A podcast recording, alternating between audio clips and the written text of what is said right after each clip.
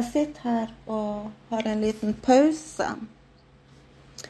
Etter at jeg har faktisk eh, brukt formiddagen til å kutte opp grønnsaker og holde på å lage en stor, stor porsjon med eh, kjøttdeigsaus. Tomatsaus til kjøttdeig og spagetti. Jeg har alltid vært glad i å lage mat, og jeg kjenner nå En periode har jeg ikke vært så glad i å lage mat. Jeg var det før. Men så skjedde det noe i ja, for 12-13 år siden, da jeg ble utmatta. Jeg fikk etter hvert diagnosen ME. Og det var vel ikke gleden av å lage mat som forsvant, men det var mer det at det var så slitsomt. Jeg klarte rett og slett ikke. Så uh, jeg lærte meg å lage mat som gikk fort. Full fart. Uh, alt som kunne hives oppi ei ildfast form og hives i ovn og uh, ja, stekes i ovn. F.eks. grønnsaker med laks, grønnsaker med koteletter, grønnsaker med ditt og da fisk. Og alt mulig som kunne bare hives i ei panne og lage seg sjøl, på en måte.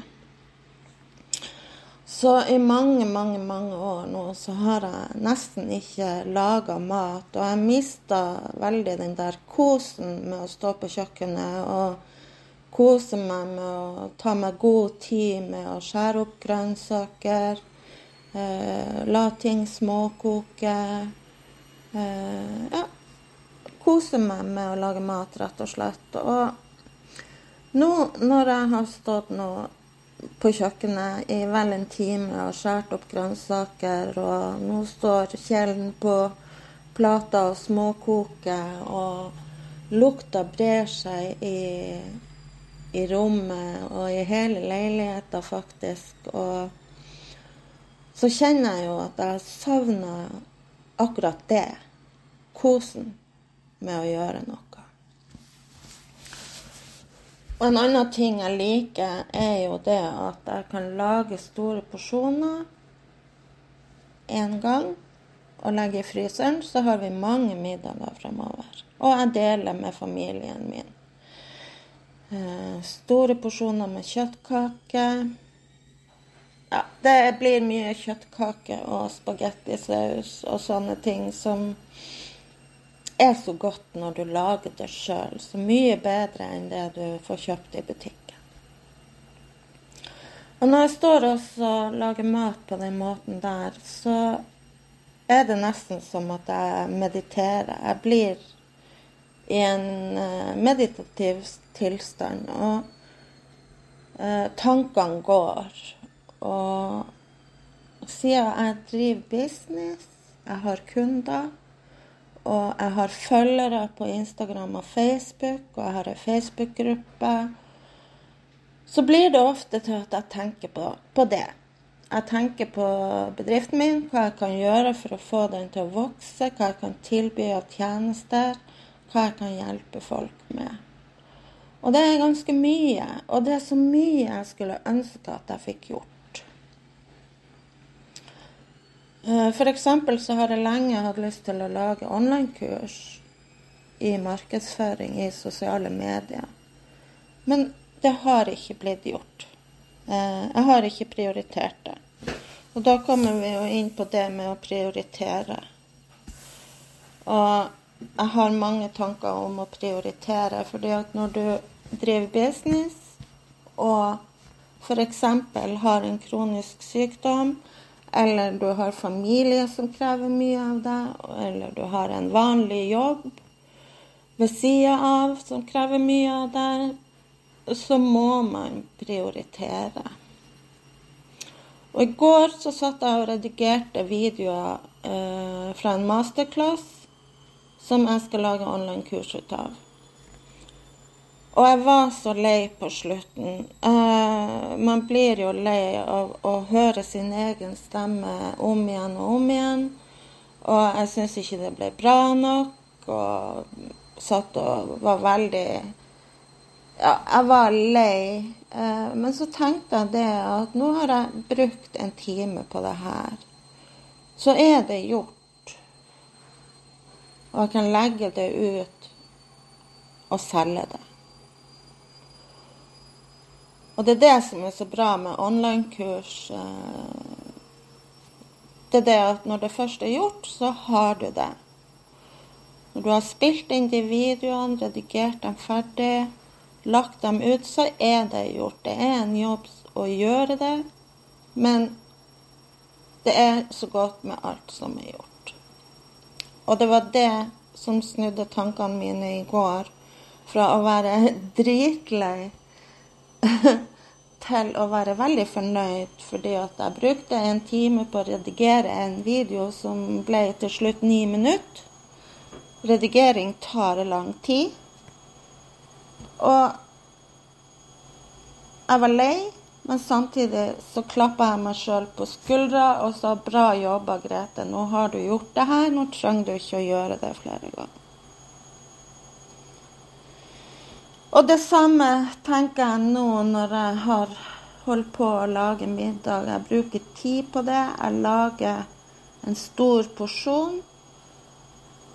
Så er det gjort. Og det er veldig godt. Det er veldig godt å, med alt som er blitt gjort. Og så er det alt det som jeg ikke har gjort. som jeg tenker så mye på. Som eh, jeg skulle ønske jeg hadde, kunne gjøre. Som jeg skulle ønske at jeg hadde tid til. Og som jeg jeg har lyst til å gjøre. Både for kundene mine og i sosiale medier, og med familien min. Og jeg er sikker på at du kjenner deg igjen i det her, fordi at Jeg skal gi deg et eksempel. Jeg har i, hvert fall to år tenkt at jeg skulle jobbe, åpne en YouTube-kanal. Jeg har laga YouTube-kanalen. Og jeg var veldig ivrig i begynnelsen og spilte inn en uh, velkomstvideo. Og der stoppa det. Fordi at jeg hadde ikke andre videoer klart. Og jeg har lært at uh, du skal gjerne ha en serie med videoer klar, sånn at du kan dele på YouTube Du skal ha en velkomstvideo, og så skal du ha tre til fem videoer klar, sånn at du kan uh, bare levere. Det hadde ikke jeg, så det stoppa opp.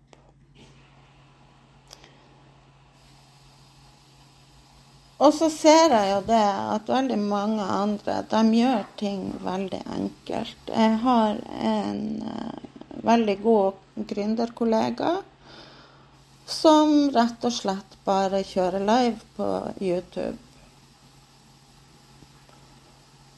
Og så har jeg veldig mange videoer liggende, både på telefon og på PC-en, som jeg ikke har redigert.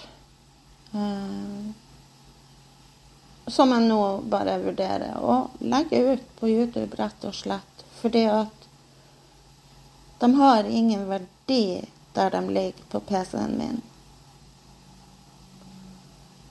Det er undervisningsvideoer, det er livesendinger, opptak. Og veldig mye stoff som ligger der klart, ubrukt, som faktisk kan hjelpe folk. Og så er det det å ha tid til å gjøre den jobben, for det tar jo litt tid å laste opp ting og, og, og få i orden den eh, YouTube-kanalen. Eh, jeg vurderer å spille inn en ny velkomstvideo, men så tenker jeg at den jeg har laga for to år siden, er helt OK. Selv om ting har endra seg mye, så er jo også uh, den, den, er helt sikkert OK. Så jeg tenker at jeg skal dele den sånn som den er, uten å redigere noe mer. Fordi at jeg tenker det at uh, den videoen har verdi. Og det å gi verdi, det kan du gjøre på veldig mange måter. Og når man er i sosiale medier, så er du nødt til å, å være synlig. Og mange kjenner på den frykten for å gjøre feil. Skrive noe feil, si noe feil. Uh, ja. At ting ikke skal være rett. Og jeg har kjent litt på den der perfeksjonismen at YouTube-videoene mine, eller de videoene jeg har, er ikke bra nok.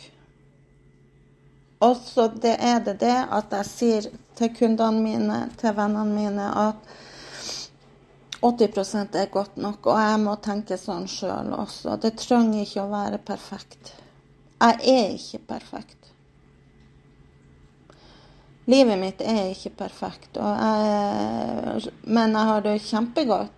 Jeg lever et kjempegodt liv, men eh, det er, det jo det jeg kaller for annerledeslivet. Men jeg kan ikke fremstå som perfekt utad når jeg når jeg ikke er perfekt. Men hva er perfekt, ikke sant? Men det der frykten for å gjøre feil, frykten for å ikke være bra nok, gjøre ting bra nok, snakke feil på video, glemme ord. Jeg har ME, så jeg glemmer veldig ofte ord. Så det er noe jeg skal ta tak i nå. Jeg skal ta tak i den YouTube-videoen, kanalen. Jeg skal sette av tid til å publisere der. Jeg skal rett og slett bare gjøre det. Så jeg håper det her kanskje var litt verdifullt til deg òg. Nå eh, står gryta og putrer på, på komfyren, og det er veldig godt å vite at det er bare å steke kjøttboller eller kjøttdeig og så koke spagetti, så har vi middag i lang, lang tid framover. Og den jobben jeg gjør nå, den sparer meg for mye arbeid framover i tid.